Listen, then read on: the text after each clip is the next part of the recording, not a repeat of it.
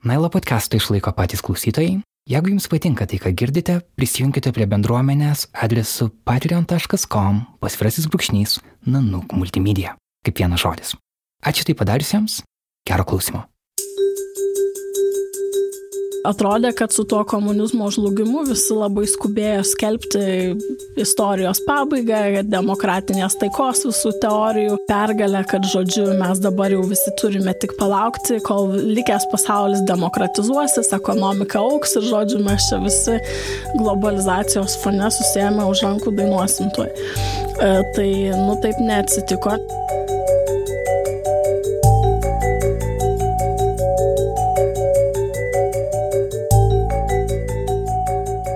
Sveiki visi, jūs klausotės Nailo podcast'o, jį kūrė žurnalistų kolektyvas Nanuk. Šiandien girdite specialų epizodą Naila Update. Kiekviename iš šių epizodų analizuosime dvi rezonansinės temas, o kiekvieno jų pabaigoje pasidalinsime tomis žiniomis, kurios mus šį mėnesį pradžiugino. Aš esu Karolis Višnauskas, podcast'o vedėjas ir redaktorius, kartu studijoje yra du pasilgti žmonės.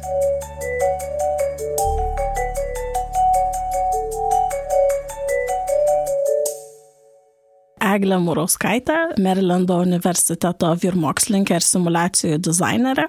Žadu kalbėti su jumis apie lėtas naujienas ir įdomius ilgalaikius reiškinius Lietuvoje ir pasaulyje, kuriuos galbūt mažiau užfiksuoja vietinė žiniasklaida. Aš esu Karolis Pilypas Liutkevičius, esu multimedijų žurnalistas Nanuk.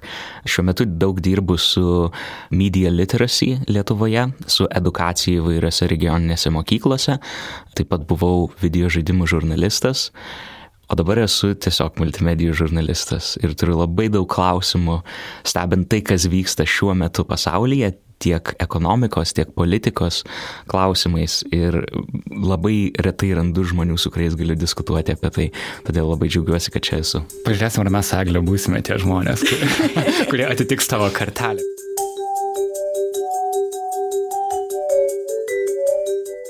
Pirmoji tema - liberalios demokratijos nykimas.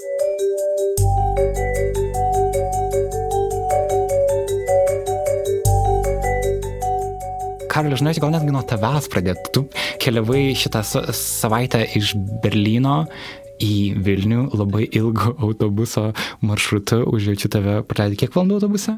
Kelionė pirmin 16 valandų, kelionė atgal 17. Ir kai tu važiai pro Lenkiją, tu pamatai kai ką, kas tau patraukė akį, kas tai buvo? Man iš karto kilo mintis labai aiškiai, kas, kas reklamuoja Lenkų PIS partija, tai Law and Justice, jų tvarka ir teisingumas, jų, jų partija, nes e, visa Lenkija išklijuota jų plakatais, jų plakatai atrodo profesionaliausiai iš visų kitų partijų, kitų partijų plakatų reikia ieškoti. Ir šiaip man, man Lenkijos pavyzdys, Lenkijos atvejis yra labai įdomus, nes ir pats pagaudavau save galvojant dažnai, kad na, tą nacionalizmą ir, ir tas iz, izolacionistinės idėjas Europoje skatina rusai. Ir buvo toks toks lengvas paaiškinimas tam. Bet atrodo, Lenkija yra labai antirusiška. Tačiau ten irgi nacionalizmas gali kilti ir bujoti. Ir man labai įdomu, kodėl dar nerandu klausimų, atsakymų į šitą klausimą. Ir kartu jie yra ES nariai ir tarsi Taip, naudojasi privalumais. Čia yra kitas aspektas labai įdomus, nes pavyzdžiui, UK, Didžioji Britanija, jie tiesiog balsavo išeiti, o Lenkija kartu su Vengrija rodo tokį pavyzdį, kad iš tiesų galima išnaudoti tam tikras ES vertybės, tai galbūt kalbėkime daugiau apie ekonominę naudą ir panašiai, tačiau galbūt nesutikti su tokiamis pamatinėmis ES idėjomis ir kartu sukūrus tokią e, koaliciją su Vengrija tiesiog e, stabdyti e, tam tikrus balsavimus ir panašiai. Na, iš tikrųjų, tu palėtai čia, Karoli, keletą temų. Tai gal pradėkime nuo tos liberalios demokratinės santvarkos, aš tai sakyčiau, gal palaipsniško birėjimo. Ir tai tikrai nėra Europos mastu, tai gal yra reiškiniai pasaulio mastu.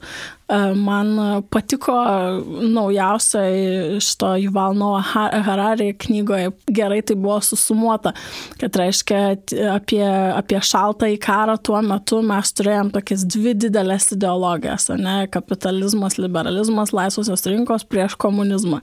Ir tai buvo, na, kažkokia ideologija, preskripcijos, kažkokie, ką, ką daryti, jeigu tu tiki tuo ar anuo, kas, nu, realiai tiek pat buvo aktualus Sidnėjui, kiek Vašingtonė naujajam dėlį, ar ne? Tau tik reikėjo pasirinkti. Ir atrodė, kad su tuo komunizmo žlugimu visi labai skubėjo skelbti istorijos pabaigą, demokratinės taikos visų teorijų e, pergalę, kad, žodžiu, mes dabar jau visi turime tik palaukti, kol likęs pasaulis demokratizuosis, ekonomika auks ir, žodžiu, mes čia visi globalizacijos fone susėmę už rankų dainuosim tuoj. E, tai, nu, taip neatsitiko, nes, aišku, dalį šito dešimtmečio 90-ųjų šalis nustekentos po to komunizmo uždanga atsigavinėjo, dalis jų persiorientavo prie liberalios demokratinės santvarkos, bet toli gražu ne visos. Tuo tarpu Kinija smagiai savo augo ir stiprėjo visiškai nu, kit, kitam, kitam ide, kitoje ideologiniai plotmėje egzistuodama. Ir tiesiog dabar, ką mes matome, mano nuomonė, Tai yra didelis nusivylimas šitos liberalios demokratinės santvarkos pažadais, kad yra labai daug žmonių, kurie tiesiog lieka užrybėje, tie nėra šaunuoliai, entreprenoriai, kurie čia stumia į priekį ir savo mažą, kaip pasakyti, unikaliais išradimais sukuria savo darbo vietą ir didžiulę pridėtinę vertę. Tai jų yra labai mažai iš tikrųjų. Didžioji masė žmonių jaučia, kad na, ne, nebe apie juos čia viskas vyksta, tos visos technologijos, postumiai. Ir dar kas yra, kad tie valstybės mechanizmai, kuriais mes galėtume perskirstyti pajamas, kuriais galėtume teikti socialinę paramą, sveikatos apsaugą, švietimą, jie kažkaip pasiekia vis mažesnę dalį žmonių. Jie, vat, tų, tų žmonių, kuriems tokios pagalbos reikėtų, daugėja, o mechanizmai efektyviai jų nepasiekia. Yra didelis nusivylimas, kad, reiškia, mes taip tikėjom, kad čia tik ateis vakarai, demokratija ar ne, ir viskas bus gerai. Ir nėra gerai. Ir dabar, ką, ką mes išgyvename, tai yra toks na, nebe, yra ideologinis nulis, aš pavadinčiau, globaliaja prasme, ideologinis nulis. Mes nebematome to vienijančio vieno naratyvo, link kurio mes vėl galėtume visi sutartinai eiti.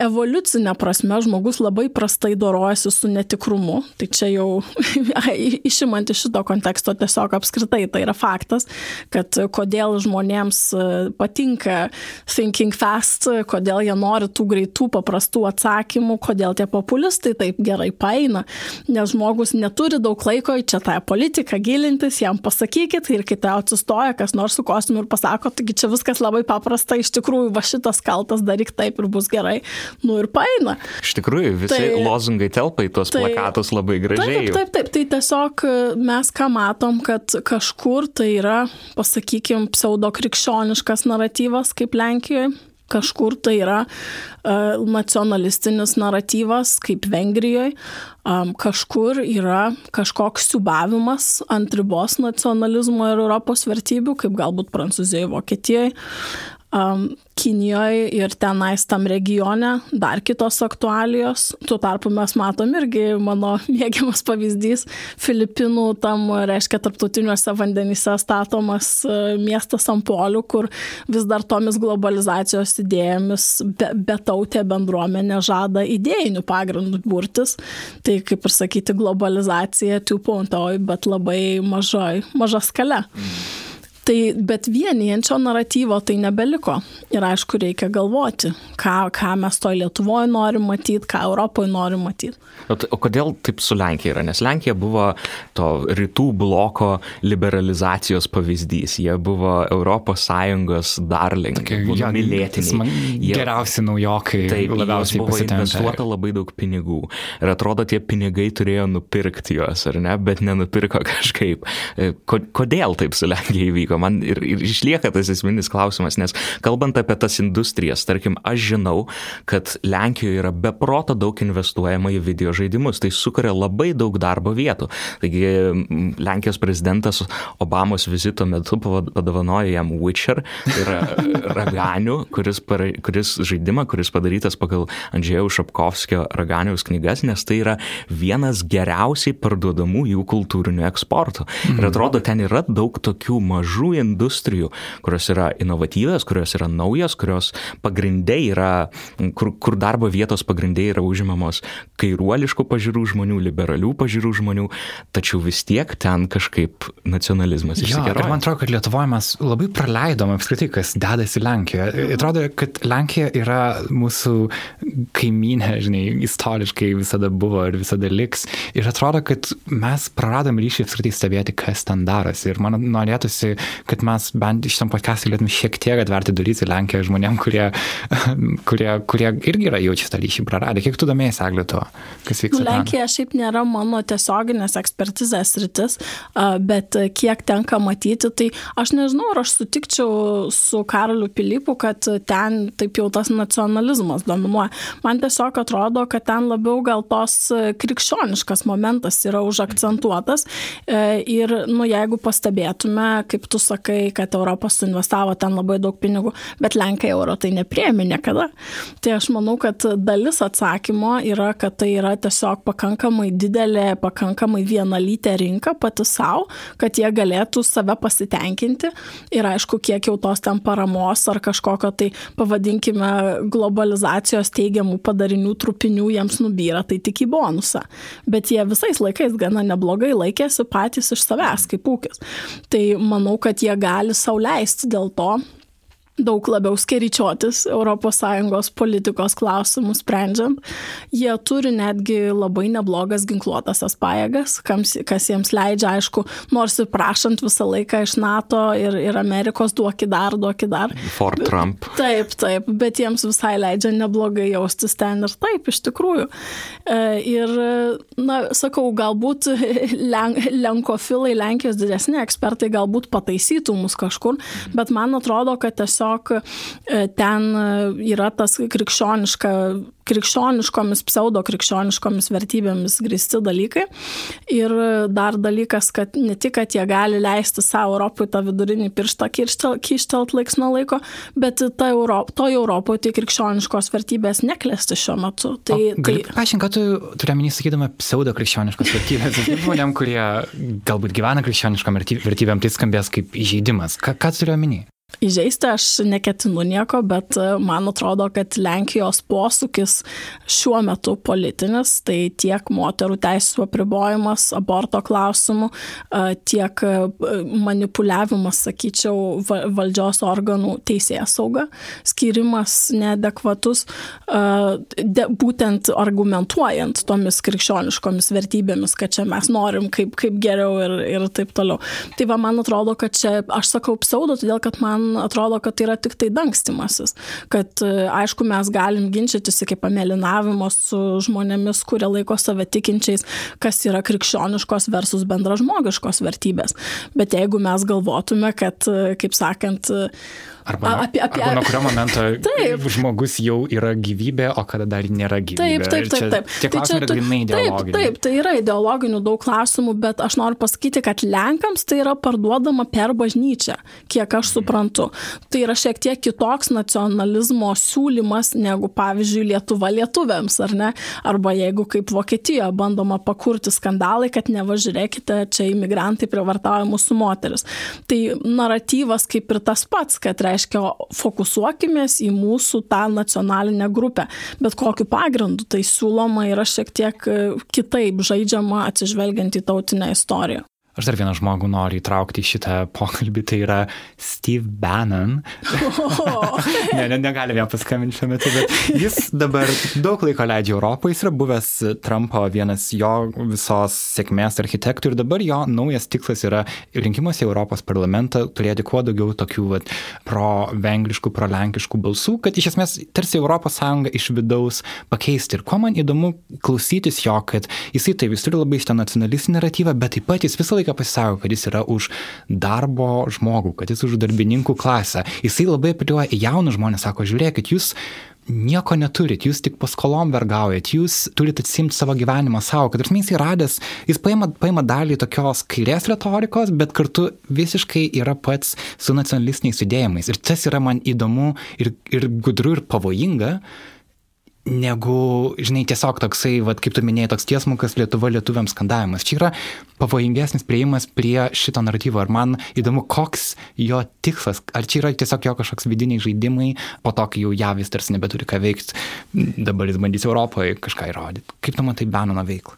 Čia jau vėlgi galim tik tai spekuliuoti, ar ne? Tai man atrodo vienas punktas, ką tu palėtėjai, tai kodėl jo ta retorika tokia paveiki. Ir tai nėra vien tik Benono fenomenas, kad apeliuojant į pažeidžiamas grupės, į kritinės mases kažkokias, kurios va šiuo metu nėra radę kažkokio savo ideologinio atitikmens, nėra kažkokio charizmatiško lyderio, kuris vestų ar vienymosi prieš kažką, tai va jas yra daug lengviau patraukti tam trečiajam punktui, ar ne? Tai manau, kad jisai tiesiog vat, naudojasi, naudojasi socialiniu fenomenu, kad labai didėja visam pasaulyje jaunų žmonių ir jisai naudojasi tą gimstamumo bangą, sakykime, kad daugėja žmonių tų jaunų, o perspektyvų jiems nelabai daugėja.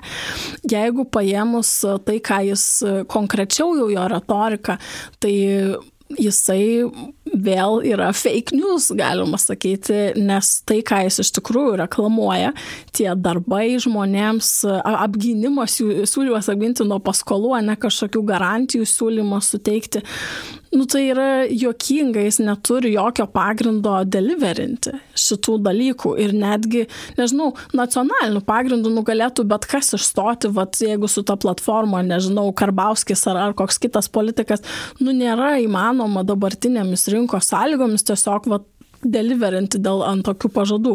Ir jauni žmonės, kurie nesidomi politika, dėja pasimauna ant to. Tai aišku, kad jiems yra baisu. Kaip minėjau pradžioje, tas netikrumas žmogų natūraliai gazdina ir, ir skatina ieškoti, jeigu viskas išklibę ar ne, nebetikimės liberalizmas miręs, žodžiu, lyderio nėra, tai kur, kur čia atsiremti, tai kas pirmas pasiūlys tą lasdą, tai iš to ir griebė. Bet e, tiesiog darbai yra visai kitokie. E, juda dauguma, dauguma šalių ekonomika juda link paslaugų ekonomikos, juda dauguma link, nu aišku, darbų automatizavimas yra dar vienas dalykas, bet iš, iš tikrųjų link to, kad tu pats realiai turi susikurti tą darbo vietą ir tų stabilių kažkokių, nu nebent slaugos namuose, ar ne visada reikia sveikatos paslaugų. Nelabai yra iš ko valstybei prie geriausių norų žmogui garantuoti tą stabilumą, saugumą jaunam. Tai galima nebent pergalvoti tas struktūras valstybės, kurias mes turim, kurios galėtų galbūt būti geriau pritaikytos kūrybiškumui, skatinti, kažkaip kitaip reformuoti kokią nors, nežinau, nacionalinę paskolų sistemą, bet tai jau tikrai netokiais būdais, kaip siūlo ar Benanas ar kiti. O jeigu baigiant apskritai apie Beną, kodėl jis tai daro, mano nuomonė, jis iš tikrųjų nepaisant, kaip sakant, to, kad tai yra fake promises, aš manau, kad jis tiesiog yra ideologas, aš manau, kad jis yra įtikėjęs tuo visiškai, idealistas, gal atitrūkęs gerokai nuo pasaulio realijų, bet jis tiesiog iš įstikinimo, manau, tai daro ne dėl kokio nors šlovės ar, ar ten kokių žemesniųjų motyvų nupirktas kieno nors, aš manau, kad jis tikrai tiki tuo, ką daro, dėja, dėja. Aš, aš pritarčiau Egliai, man jisai iš tikrųjų atrodo kaip ideologas, turint omeny, kad jis Breitbart buvo prasidėjęs ir vienas ten iniciatorių yra. Um, ir man atrodo, jis tiesiog puikiai jaučia, kur pučia politiniai vėjai ir kokie. Jisai pajuto, kad Amerikoje galbūt jis truputėlį demaskuotas ir Europoje e, vyksta tas, kas, e, ką, jis panašaus matė galbūt Amerikoje ir, ir jis pamatė, kad jisai gali Europai kažką pradėti statyti ir kurti ir kad paprasčiausiai jo, jo klauso Europoje daugiau. E, bet aš, aš didelę problemą dar matau su tais žmonėmis, kurie jaučiasi ne, nedalis visko. Mhm. Nes vad neseniai skaičiau tokį The New York Times e, Natašos Singer straipsnį apie tai, kaip e, tos alternatyviosios dešinėsios, dešiniosios krypties ir ekstremalios dešinios krypties visokie rūporai pasitraukė iš mainstream pagrindinių naujienų kanalų kaip Facebookas, YouTube'as. Nu, matom, kad ir Facebookas pats moderuojasi, kad iš YouTube'o išmetamas Alex Jones, kuris turėjo ten savo info karų naujienų sklaidos kanalą ir panašiai. Ir dabar tie ruporai tų dešiniųjų balsų, jie kuria savo appsus kurie yra gana populiarūs. Neseniai e, NRA, tai National Rifle Association, sukūrė irgi savo Ginklų aplikaciją. A, arba Amerikos šaulių sąjunga. Amerikos, taip, Amerikos šaulių sąjunga e, sukūrė savo aplikacija, kuri irgi yra kaip socialinis tinklas. Tada yra tokie socialiniai tinklai kaip Gab, kuriame irgi renkasi labai daug dešinių pažiūrų žmonių. Ir atsiranda tokių labai daug kišenių, kuriuose gali labai greitai pasitvirtinti savo nuomonę. Ir tų nuomonių nieks nekvestionuoja. Ten labai lengva, jeigu tu esi kaip sakoma, on defense, jeigu tu sėdi ant tvoros ir nežinai, į kurią pusę šokti, e, kokią stovyklą pasirinkti, nes dabar visi renkasi stovyklas, patekus ten tau labai aiškiai išsikristalizuos visas vaizdas. Ir, ir man atrodo, kad tai Tai yra pavojinga. Tai yra pavojinga. Taip, taip, taip. Kad mes prarandam ryšį, kad žiniasklaida praranda ryšį. Tai čia vienitoje. gal kelius dalykus norėčiau paminėti. Vienas dalykas, kad iš tikrųjų labai trūksta e, tokios, e, kaip sakyti, genuinely bipartisan, tikrai natūraliai to pateikimo iš abiejų dalykų pusių ir pagarbios diskusijos. Tai vienas geresnių pavyzdžių, kurį man neseniai teko girdėti, tai e, War on the Rocks, tokios saugumo tinklapio e, paleist, paleistas podkastas, kur tiesiog konservatoriai, demokratai taip pat iš abiejų tvoros pusių aptarė kažkokį vieną straipsnį, kažkokį vieną reiškinį. Bet kitas dalykas, tai čia man atrodo, kur žiniasklaida nuslydo nuo kelio jau kuris laikas. Tas galvojimas, kad vis, bet koksai reikalas turi dvi pusės ir tos pusės vienodai svarios. Tai čia, man atrodo, yra klaidingas įsitikinimas, nes bandymai dažnai dažnai pateikti e, ypatingai Amerikos žiniasklaidoje, bet ir Lietuvo žiniasklaidoje neretai, kad, o, tai čia tik viena pusė, kita pusė sako kažką kitą ir tiesiog vat, nu, pats, pats žiūrovė tu ir nuspręs. Nu, iš tikrųjų, tai yra faktai. Ir, ir iš tikrųjų ne abitos pusės yra adekvačios. Ir čia nežinau, čia kaip balsavimas neproporcinis, o toks, kad nesvarbu, kiek žmonių tavo valstybėje gyvena, tu gauni tik vieną balsą, ar ne? Tai nesvarbu, kiek tavo tas istorija yra patikima, kredibili, validi, kad tu gauni tą balsą. Kai kalba ar koksai analitikas, konvencinis ar politikas, tai būtina jam surasti, suieškoti, kas jam paoponuotų. Ir aš manau, kad mes nepelnytai duodame tą mikrofoną ir eterio laiką įvairiems marginalams ir ekstremistams. Tai aš neskau, kad to apskritai nereikia, nes kaip, kaip jūs abu labai teisingai pastebėjote, yra pavojinga kad žmonės užsidaro savo burbule. Tai jau geriau kaip nors juos tenais užkabinti, galbūt jie paklausys tą laidą vien dėl to, kad va ten tas jų radikalas atėjo, bet išgirs reiškia ir kitą pusę. Tai čia gal ta šviesioji pusė. Bet e, iš tikrųjų, nu, tais, kaip sakyti, post tiesos laikais, jeigu, tai nu, nėra tam žmogui taip paprasta susigaudyti ir to kažkokio tvirtumo pastovėjimo už vertybės, už, už įsitikinimus, žmonės tada randa bendruomenės, kurios pastovi. Ir kaip sėkit, paprastai tie radikalesni būna daug tvirtesni negu žmonės liberaliau linkę. Aš netgi radau tokią puikią, tokią puikią aplikaciją Cruise Crew tai yra Tedo Kruzo uh, Hebra. Tu ten gali bendrauti Aha, su bendraminčiais. Taip pat ten Great America aplikacija, kurią Trumpas turėjo, kai kandidatavo į prezidentus, ten dar veikia tam tikri socialiniai elementai tos aplikacijos. Ir e, atsiranda tokios kišenės labai įdomios bendraminčių, kur labai greit išaiškėja, kur yra kokios konspiracijos ir labai greit jie pasitvirtina savo tiesas. Aš buvau Berlyne vienoje e, Die Zeit laikraščio organizuotoj konferencijoje ir ten buvo vienas profesorius iš Junktinio Amerikos valstijų, kuris e, sakė, kad dabartinis nepasitikėjimas žiniasklaida iš dalies yra to mūsų no, didelio noro, kad išugdytumėm kritiškus skaitytojus. Pasiekmė, kad mums pavyko, dabar visi yra tokie kritiški, kad jie tiesiog nebepasitikė niekuo praktiškai. Ir, ir čia yra, ir man pasirodė labai įdomus tas jo požiūris, kad tu iš tikrųjų gal tai, kad žmonės yra kritiški žiniasklaidai, ir tarsi mes to visą laiką ir siekiam. Tai prašom, bet, dar mes. Bet matai, tas, tas kritiškumas irgi yra kitoks. Vat 2017 metais buvo žurnalistų forumas New York'e ir ten kažkas pasakė tokią citatą, kad problema ne ta, kad žiniasklaida nekalbėjo apie Trumpo rinkėją. Problema ta, kad žiniasklaida nekalbėjo Trumpo rinkėjui. Mhm. Kitaip tariant, e, žiniasklaida bandė tą kritinį mąstymą formuoti rinkėją, vadinant kvailiu ir, ir, ir kitokiu žmogumi. Ir kaip ir kalbėjom, jeigu tu esi ant tos tvoros, tai tokie pasisvarstymai labai greitai tave nustumia į kažkokią tvoros pusę e, ir, ir, ir norisi ieškoti tos žiniasklaidos, kuri kuria tą dialogą. Ir ne tokia, kuris yra netikras, tai tiesiog paimti vieną ir kitą, bet e, kuri moderuoja tą dialogą ir moderuoja protingai. Mhm. Iš tikrųjų, jeigu galėtume grįžti šiek tiek po mažą žingsnelį nuo to, ko pradėjom šitą rubriką, tai buvo laikai, kai Vokietijoje filosofai sakė, tai ką Dievas mirė žodžiu ir kągi mes dabar darysime, tai dabar gal kažkuria prasme mes matome, tai ką liberalizmas mirė, ką mes dabar darysime, ar ne. Tai, bet kodėl, kodėl mes apie tai kalbame apskritai, nes ilgisi žmonės to kažkokio, sakykime, tai kur mes einam, tai kur yra prasme, koks šitas naratyvas.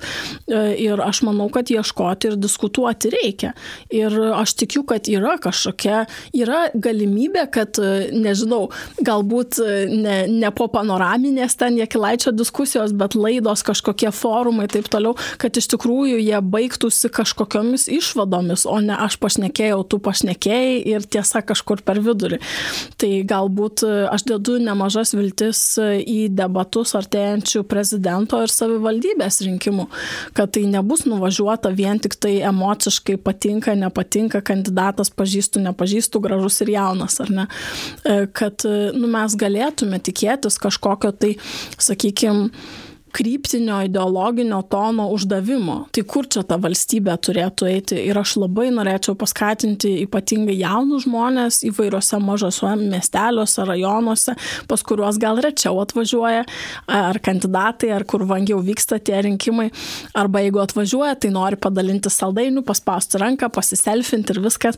Aš labai norėčiau tos jaunus žmonės padrasinti. Jūs paklauskit klausimų apie užsienio politiką, apie kuo jie tiki, kokia knyga jiems jiems patiko, su kok, koks žmogus jiems daro įspūdį. Nu, ką nors, kas jums leistų susidaryti įspūdį daugiau apie to žmogaus vertybių sistemą.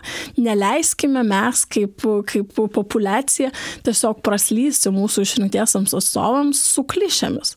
Mes kartu ieškome tų idealų ir aš manau, kad beprasidedantis šitas procesas gali pastumėti mus. Kiti metai bus rinkimų metai, labai labai laukia. Bus prezidento, Vilnius mero, Europarlamento. Žodžiu.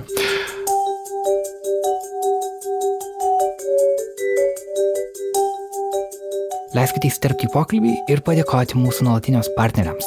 Tiems, kurie palaiko Nailą praktiškai nuo pat podcast'o sukūrimo. Tai yra kompanija MailerLite, įsikūrę Užupyje, Vilniuje. Jie vysto naujienlaiškių kūrimo platformą, kuria naudojasi 500 tūkstančių kompanijų 120 pasaulio šalių. Mes esame viena tų kompanijų, Karts nuo karto savo klausytojams nusinčiame Nanuk naujienlaiškį, ten yra visa naujausia informacija vienoje vietoje. Jeigu jūs norite jį gauti, adresas yra nanuk.lt pasvirasis brūkšnys subscribe. Ir taip pat ačiū Benedikto Gylio fondui. Pats Benediktas yra vienas didžiausių Lietuvoje filantropų. Jo fondas vysto daug svarbių projektų, pavyzdžiui, jie Lietuvos mokykloms suteikia tūkstantį kompiuterių vaikams, taip pat jie rengia didžiausią Lietuvoje išradėjų konkursą, jis vadinasi Vilnius išranda, benediktas.com. Ten rasti visą informaciją apie fondo veiklą. Tad dar kartą ačiū Benediktui ir ačiū MailerLite už palaikymą. O dabar grįžtu į studiją pas Eglę ir Karolį.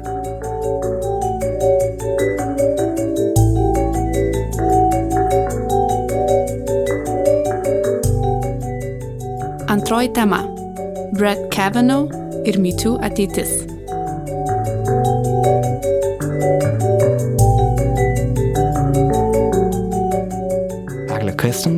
Atsitiko su Kavanaugh, kodėl tai yra svarbu? Na tai iš tikrųjų buvo kontroversiškiausias teisėjo aukščiausiojo teismo patvirtinimas per daugybę dešimtmečių, ne tai kad metų. Žodžiu, istorija yra tokia, kad žmogus, teisininkas, apkaltintas kitos teisininkės seksualiniu priekabiavimu, buvo vis dėlto nominuotas ir sėkmingai atlaikė trumpą tyrimo procesą neišsamų ir tai sukėlė labai daug kontroversijos nes tiek respublikonų moteris netgi balsavo už jo nominaciją. Kilo labai didžiulis ažiotažas.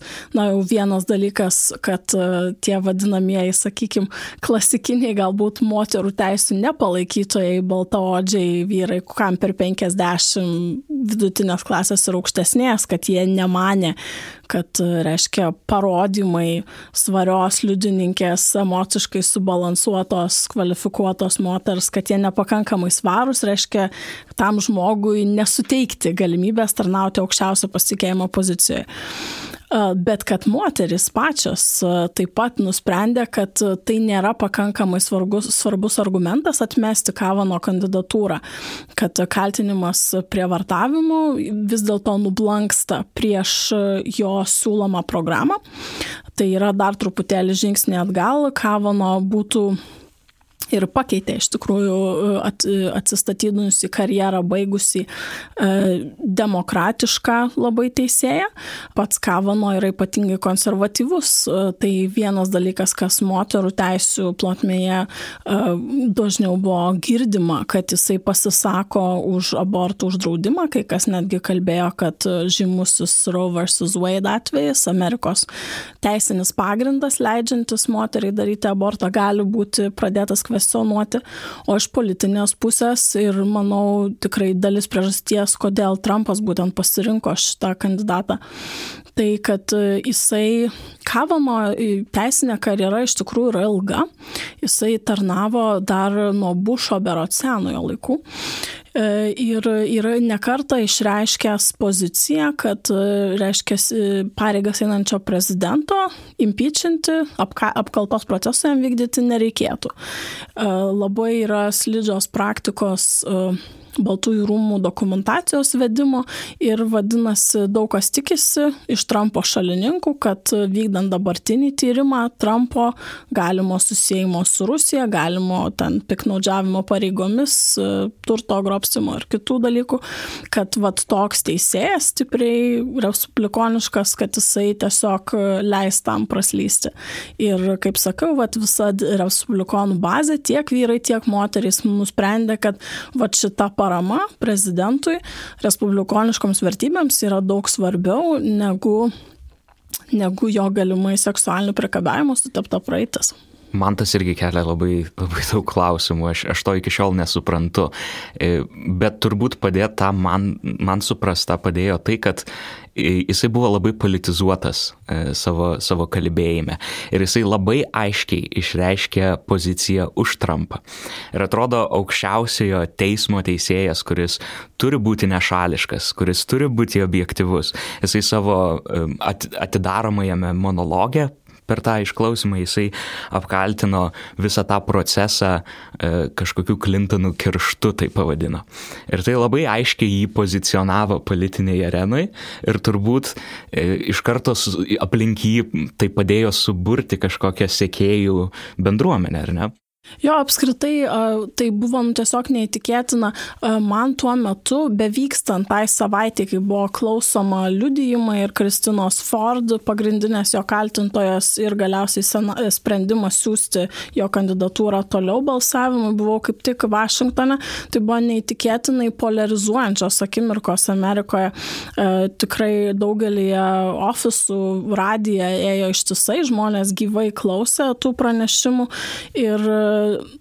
na, iš tikrųjų labai susidarė toks, kaip sakyti, emocinis keistas kontrastas. Ir, nu, tiesiog neįtikėtina, kad jisai nepaveikė balsuotojų, kad, žodžiu, mes matome vyrą jau keletą turėjusių netgi teisinių ieškinių dėl melagingų parodymų, laibel, tai ir šmeištos turbūt.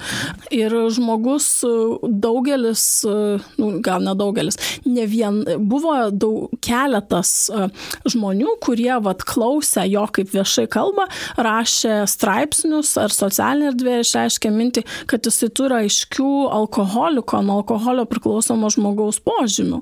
Tai tiesiog visa ta dinamika, kaip jisai ten, kaip sakant, beputodamas e, šaukia kelią balsą ir, ir atrodo taip, nu, labai jau nesolidžiai.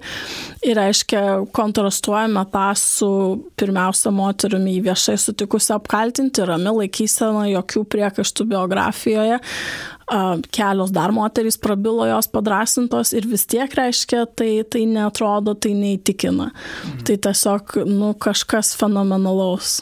Aš bandžiau suprasti Kevinių palaikytojų poziciją. Jie sako, kad a, maždaug jeigu mes leidžiame kaltinimui, kuris ateina dar iš 80-ųjų metų, jie mato tame problemą, kad taip tu maždaug bet kokį kitą žmogų gali bandyti apšmeišti, kad atrodo užtenka bet kokio viešo kaltinimo ir tavo karjera tarsi būtų baigta. Tas pats Trumpas sakė, kad, a, kaip jis ten kalbėjo, kad dabar yra JAV vaikinams, berniukams, vyrams labai sudėtingas laikas būti, nes maždaug bet kas jūs gali bet kada melagingai apšmeišti ir jūsų karjeros bus baigtos. Kaip tu žiūri šitą argumentą, kiek tame yra logikos? Žinai, Karoli, čia manau, tu tiesiog smeigi į esmę reikalo, kodėl tiek mažai vyrų tiek Amerikoje, tiek Lietuvoje ir pasaulyje palaiko moteris, kurias viešai pradeda kalbėti apie seksualinį priekabiavimą ar prievartavimą. Tai norėčiau čia paliesti kelis dalykus, ar ne. E, taip, gerai pastebėjai, kad Trumpas pats buvo kaltintas daugelio moterų seksualiniu priekabiavimu, netinkamu elgesiu. Kiti prezidentai taip pat e, buvo patyrę tokių, tokių kaltinimų ir, ir kažkaip vis praslyzdavo tas, bet pavyzdžiui, e, teko skaityti, kad e, su Kavano byla, kadangi tai buvo taip detaliai nagrinėjama ir tikrai tas viešas diskursas, nu, labai toks jau detalus buvo, kad e, iš tikrųjų pra, pradėjo slysti parama tiems respublikonams, tokiems vat, berniukų tokių klubams, kurie moteris traktuoja kaip žaislą ir nemato tame problemos. Tai, žodžiu, tarp moterų respublikonų vat, šituo periodu smuko palaikymas, e, nežinau, man atrodo, apie 7 procentus prarado palaikymo, tai yra nemaža dalis. Bet e, ką norėjau pasakyti apie tą vyrų baimę, kad iš tikrųjų vat, visiems kažkodėl e, beveik su ko pradedė apie tai kalbėti. Vyrams atrodo, kad, nu tai čia mano žodis prieš tavo, iš tikrųjų kambaryje tai buvo mes dviesi ir kad reiškia praktiškai bet kokia įsižeidusi, kerštinga mano eks galėtų pradėti šitaip mane kaltinti, tai ne, neužveiskime precedento ir reiškia, nu kas ten žino, geriau patraukime pečiais, o ne kas ten žino, kas ten toms moteriams užeina. Bet, na, iš tikrųjų, jeigu kam yra tekę susidurti su tokiu atveju, tai manau, nu, geresnio argumento aš nerandu, negu elementariai pagalvoti, nu gerai, tai jeigu jūs jau esate santykyje, ar tai būtų, nu, kiek rimti tie santykiai, ar ne, ir tarkim išsiskyrėte, ta moteris nori keršto. Tai kiek dalykų jinai galėtų jūs apkaltinti, kad, nežinau, duomenis pavogėt, kad ten žiedus kokius nors papuošalus pavogėt, kad apie kokias nors apkalbas galėtų jūs teisti, kokiu nors kompromituojančių nuotraukų arba prisiminimų. Ir, ir ta prasme, tai irgi bus kažkokie, tai jai reikės liūdyti, jai reikės apie tai kalbėti daug. Bet apie tai daug lengviau kalbėti negu apie seksualinį tai priekabiavimą. Tai va, būtent aš ką ir noriu pasakyti, kad žmogus rinktųsi iš viso šito spektro, kuo tave galėtų apkaltinti, kad sakytų, aš norėsiu sakyti, kad kad tu mane išprievartavai, nu, ta prasme, nu, tai yra toks emociškai sunkus dalykas apie tai kalbėti, kad, nu, man tiesiog yra ypatingai sunku patikėti, kad būtų daug atvejų, kad būtų tie kaltinimai be pagrindo.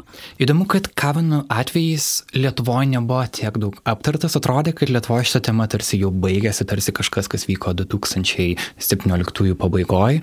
Ir galbūt galima tai ir suprasti, nes tarkim ir JAV atveju, štai Ford, psichologė, kuri kaltino Kavanų priekabiavimu, ji tarsi irgi nepasiekė savo, ar ne? Galiausiai jis gavo tą poziciją, atrodė, kad jos pasiryžimas kalbėti, jai tiesiog jį išviešino savo istoriją, o rezultate viskas vis tiek yra prieš jos norą.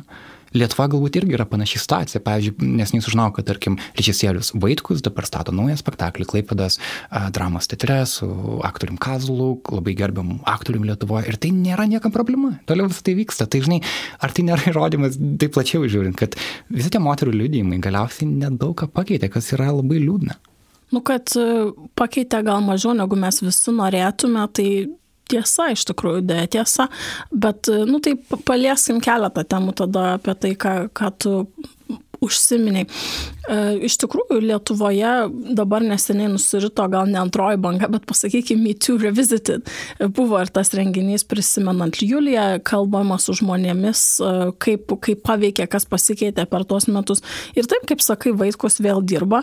E, Vilniaus universitetas gražino taip pat dėstytoją atgal, Jankauską Barats. Dailės akademija. Ne, ne, ne, Vilniaus universitetas. Ah, okay. Ir tai mm. buvo žmogus, kurį priekabiavimu kaltino, jeigu neklystu, jo teisinė padėjėja. O. Tai, o to, tai labai keista, kad tiesiog irgi va, buvo pasakyta, va čia suėjo, reiškia, žmogus negavo net nuobaudos, nes e, atsistatydino iš savo pareigų tuo metu prieš paskelbent sprendimą teismo ir jam nebuvo pritaikytos jokios priemonės. Um, tuo tarpu Dailės akademija su Gasiūnu atstovėjo poziciją, ten buvo įvairių vertinimų to žmogaus elgesio, bet e, taip, e, iš kitos pusės daug teko girdėti pažįstamų muzikos ir teatro akademijos, kurie sakė, kad e, čia tikrai daug metų vyksta dalykai ir, ir visi žino ir visi tiesiog užsimerkia. Tai mane gal labiau liūdina tas, kad e, iš tikrųjų Lietuvoje e, ta nu gal aš nežinau, ar mačo kultūra tą vadinti teisinga, bet sakykime, kažkokia to forma vis dar vyrauja. Ir žmonėms atrodo, taigi čia tik pakybinimas, taigi čia nekalta, taigi kol maždaug, kol tu užlaužęs rankų nieko neprievartauji, tai viskas dar yra normalu. Tai, nu, tas yra nepriimtina, jeigu, ne, negi, man tai geriausias buvo, kaip sakyti, pavyzdys, kai buvo internete irgi paplatintas tas sąrašas, ap, apklausėlė ką, ką darote, kad jūsų neišprievartautų, kokių priemonių įmatės, ar ne? Kur tai vyras, buvo paskelbta? Vyras ir moteris, Ai, taip, taip, taip. ar ne? Mhm. Ir, ir vyras, nu, negalvoju apie tai iš esmės, kaip ir nieko nedarau. Ir moteris didžiausias sąrašas nesidėk trumpos sijono, neik tamsu tenais viena, neik išgerusi ten kažkur tai su vyru į būtą, jada, jada, jada. Nu tai atsiprašau, tai visi mes esame suaugę žmonės, esame visuomenės brandus nariai, tai negi aš dabar turiu saugoti kitą nuo savęs, kad neduok dievę tu, nežinau, ten nesusigundytum, nesusidomėtum, nu tai nu, nepriimtina. Tai yra visiškai. Ir kad Lietuvoje šita žinutė kažkaip vis dar, vis dar nenuskamba, tai yra keista. Nors iš kitos pusės čia kiek tenka matyti personalijos didžia dalimi, kurios imasi ginti to moterų teisės, dažnam atrodo Lietuvoje kaip radikalios feministės. Tai mes, jeigu paimtume kokią nors, nežinau, Nida Vasiliauskaitę arba kam ir šitą Betą Tiškevič atrodo radikali Žinau, feministė. Jo, jos labai nenorėtų būti vienam sąraše. Nes, nes ne, Nida... aš, aš net nebejoju, taip jos kritikuoja viena kitą, bet aš turiu omeny, kad yra tas požiūris Lietuvoje, kad yra radikalus feminizmas apskritai, kad, kad moterų teisės gina radikalus feminizmas. Kad vidutinė birutė iš apskaitos skyriaus, tai jai tai faina, kai tu uždedi ranką ant kelio. Ir žodžiu, ir, ir iš tikrųjų man tai buvo vienas gražiausių momentų, kai Berots Kaupinis kalbėjo, e, kai buvo tas visas skandalas, e, kad, e, žodžiu, palaikė vyrų balsus rinko ir manau tai yra labai svarbu. Apie moterų teisės reikia kalbėti ne moterų rateliuose, o su visa visuomenė ir įtraukiant vyrus ir paaiškinant, kad čia.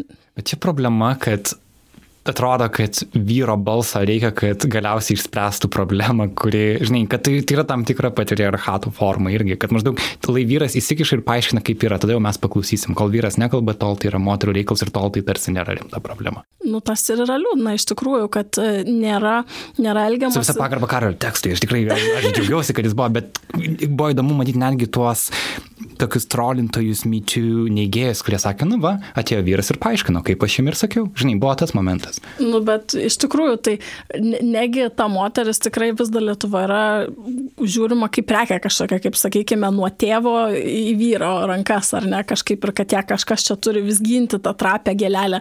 Nežinau, man tai atrodo, kad mūsų karto žmonės tai yra, kuriems dabar yra, na nežinau, iki 40, norisi tikėti, kad jie gal kažkaip kitaip į tai žiūri. Bet vyrų, kurie aktyviai atsistotų ir pasakytų, matydami, kad kažkas vyksta kitam vyrui, kad kad tu nedaryk tuo metu, kai tai vyksta. Arba jeigu moteris kalba apie kažką, kad palaikytų, yra iš tikrųjų labai mažai. Nes, kaip kalbėjome prieš tai, man atrodo, didžiausia yra baime. Tavo žodis prieš mano ir tie vyrai atrodo tarsi bijo susitepti kito kalte. Tai man atrodo, kad nu, nereikėtų taip žiūrėti ir tai reikia suprasti, ko, kokio masto tai yra fenomenas, tai nėra vienetiniai atvejai. Ir Lietuvoje tikrai dar trūksta to labai. Gal tik pridėsiu, aš kiek pastebiu iš viešosios erdvės, kurioje pats būnu, tiek virtualiosios, aš labai pasigendu šią temą suvokimo, kad mes visi esame kartu šioje temoje ir kartu ją turime spręsti. Ir, ir labai akivaizdus yra pasidalinimas į vyrus ir moteris. Ir labai dažnai, ir labai dažnai jisai akcentuojamas tų pačių trolių, apie kuriuos tu kalbėjai ir taip toliau.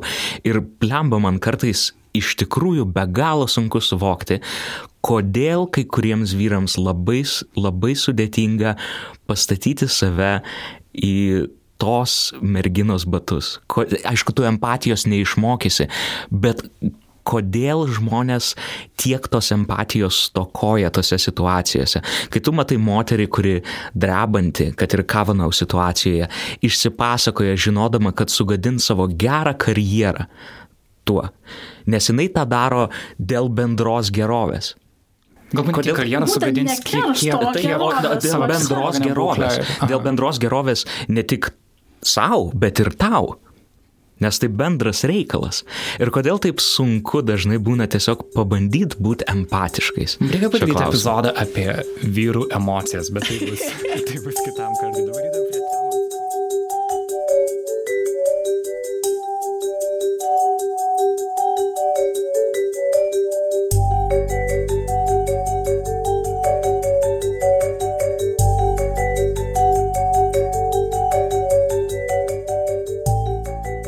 Judam prie mūsų pozityviausios dalies.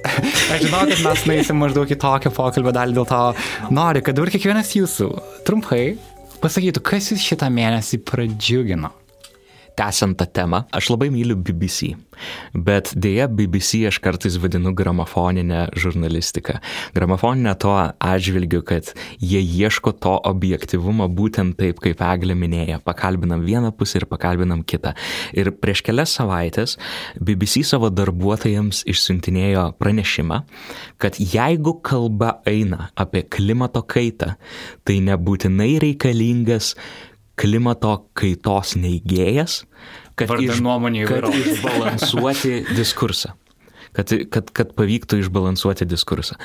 Ir tai yra labai didelis pokytis BBC. Aš, aš kadangi domiuosi žurnalistika, tai aš žinau, kad, kad, kad čia jau BBC kontekste yra gana mm, svarbus reikalas. Kad BBC pripažino, kad klimato kaita kad, kad BBC iš tikrųjų... 2018 kad BBC pasirinko e, net, net, net, net kreipdama dėmesį į savo anksčiau egzistavusius standartus, kad reikia dviejų pusių, kad nebūtinai viena pusė yra adekvati. Aš maniau, kad tavo geroji naujiena susijusi su klimato kaita bus ta, kad kai buvo paskelbtas neseniai jungtinių tautų berots visas Taip, didelis. Nes, neseniai, e, neseniai buvo jungtinių tautų pranešimas apie tai, kad iš tikrųjų um, klimato kaita vyksta sparčiau. Patirs. Kad dar mūsų karta išgyvens, pasiekmes. išgyvens labai aiškės um, aiškės problemas kaip maisto trūkumas, e, kaip e, klimato kaitos pabėgėliai ir panašiai.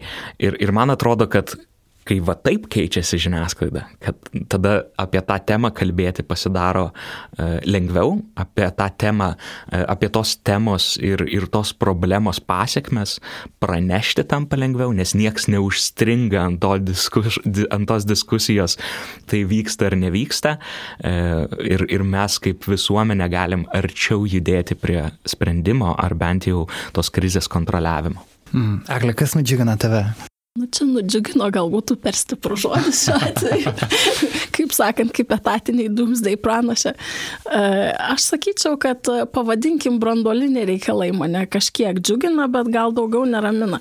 Tai džiugina Lietuvoje, kad aš iš tikrųjų matau vis daugiau straipsnių tam pačiam Delfi, diskusijų Facebook'e e, tarp žmonių, kurie užsima politikos mokslais, tarp autorių, žurnalistų, kurie seka gynybos naujienas, būtent branduoliniai brandolinė Amerikos politika, Rusijos politika, kas vyksta, nušviečiama vis daugiau. Tikrai prieš metus du labai to trūko, nes atrodė, kad tai labai toli nuo mūsų, bet va, kaip ir Karolis Pilypas minėjo, for Trump ir visokie kitokie dalykai, kaip čia tos, reiškia, brandolinės Amerikos pajėgos, kur bus jos dedamos, kaip NATO turėtų elgtis. Tai man tikrai smagu, kad Lietuva įsitraukia aktyviau.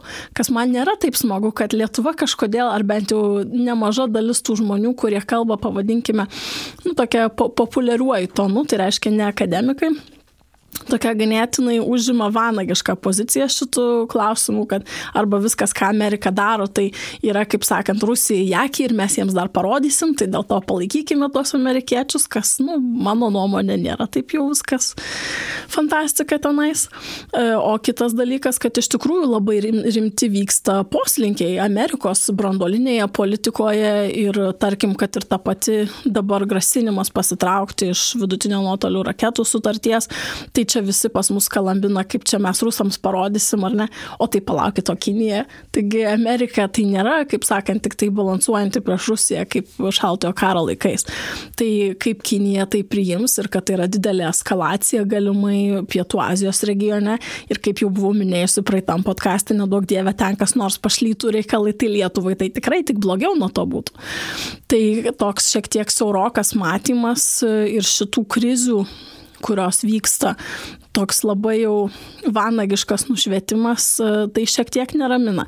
Bet tikrai noriu pasidžiaugti, kad susidomėjimas auga ir gana profesionaliai ir išsamei tai yra nušviečiama, tai tiesiog tikiuosi, kad ta nuomonių įvairovė auks. Mane šitą mėnesį nudžiugino dainininkė Taylor Swift.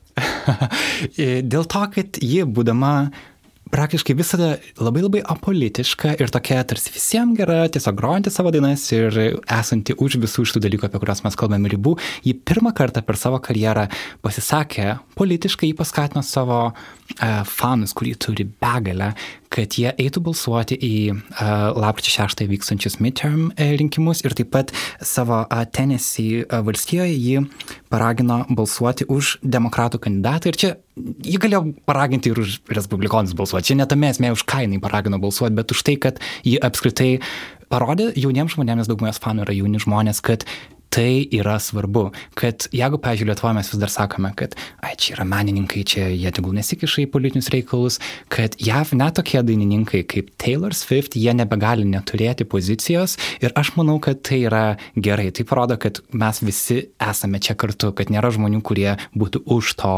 Ir pavyzdžiui, prieš kelias dienas buvau kongresų rūmuose, ten grojo e, dainininkė Lori Anderson ir jos koncertas buvo net ne tiek koncertas, kiek toks kaip pusiau jos esė skaitimas, šiek tiek muzikos, šiek tiek vizualizacijų. Ir irgi daug kalbėjo apie tą patį Donaldą Trumpą, kalbėjo apie tai, kaip mes norim statyti sienas. Visą savo pasirodymą užbaigė tuo, kad sako, mes nuolat dairomės į žvaigždės ir sako, žinok, kodėl man patinka žvaigždės, nes mes jų negalim pasiekti, bet jinai sako, bet mes bandom, mes labai norim.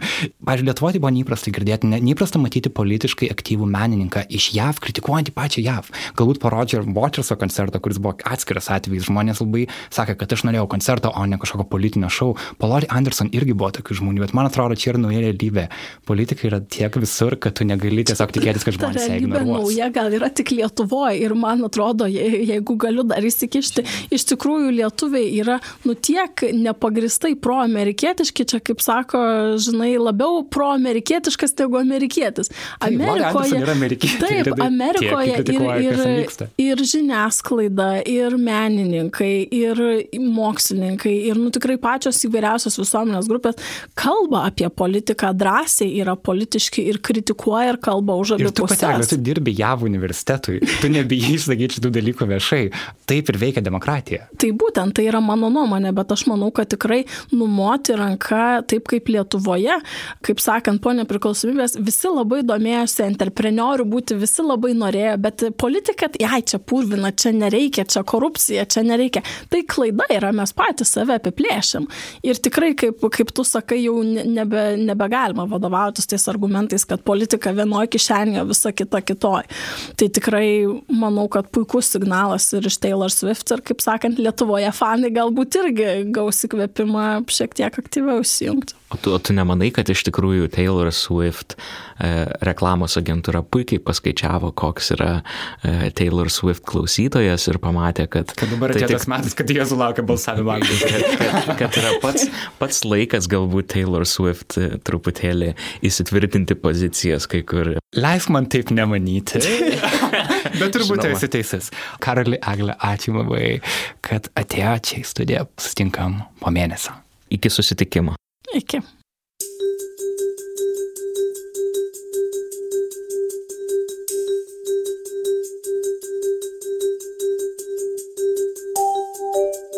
Ačiū visiems buvusiems kartu. Šiandien girdėjote pirmąjį Naila Update epizodą.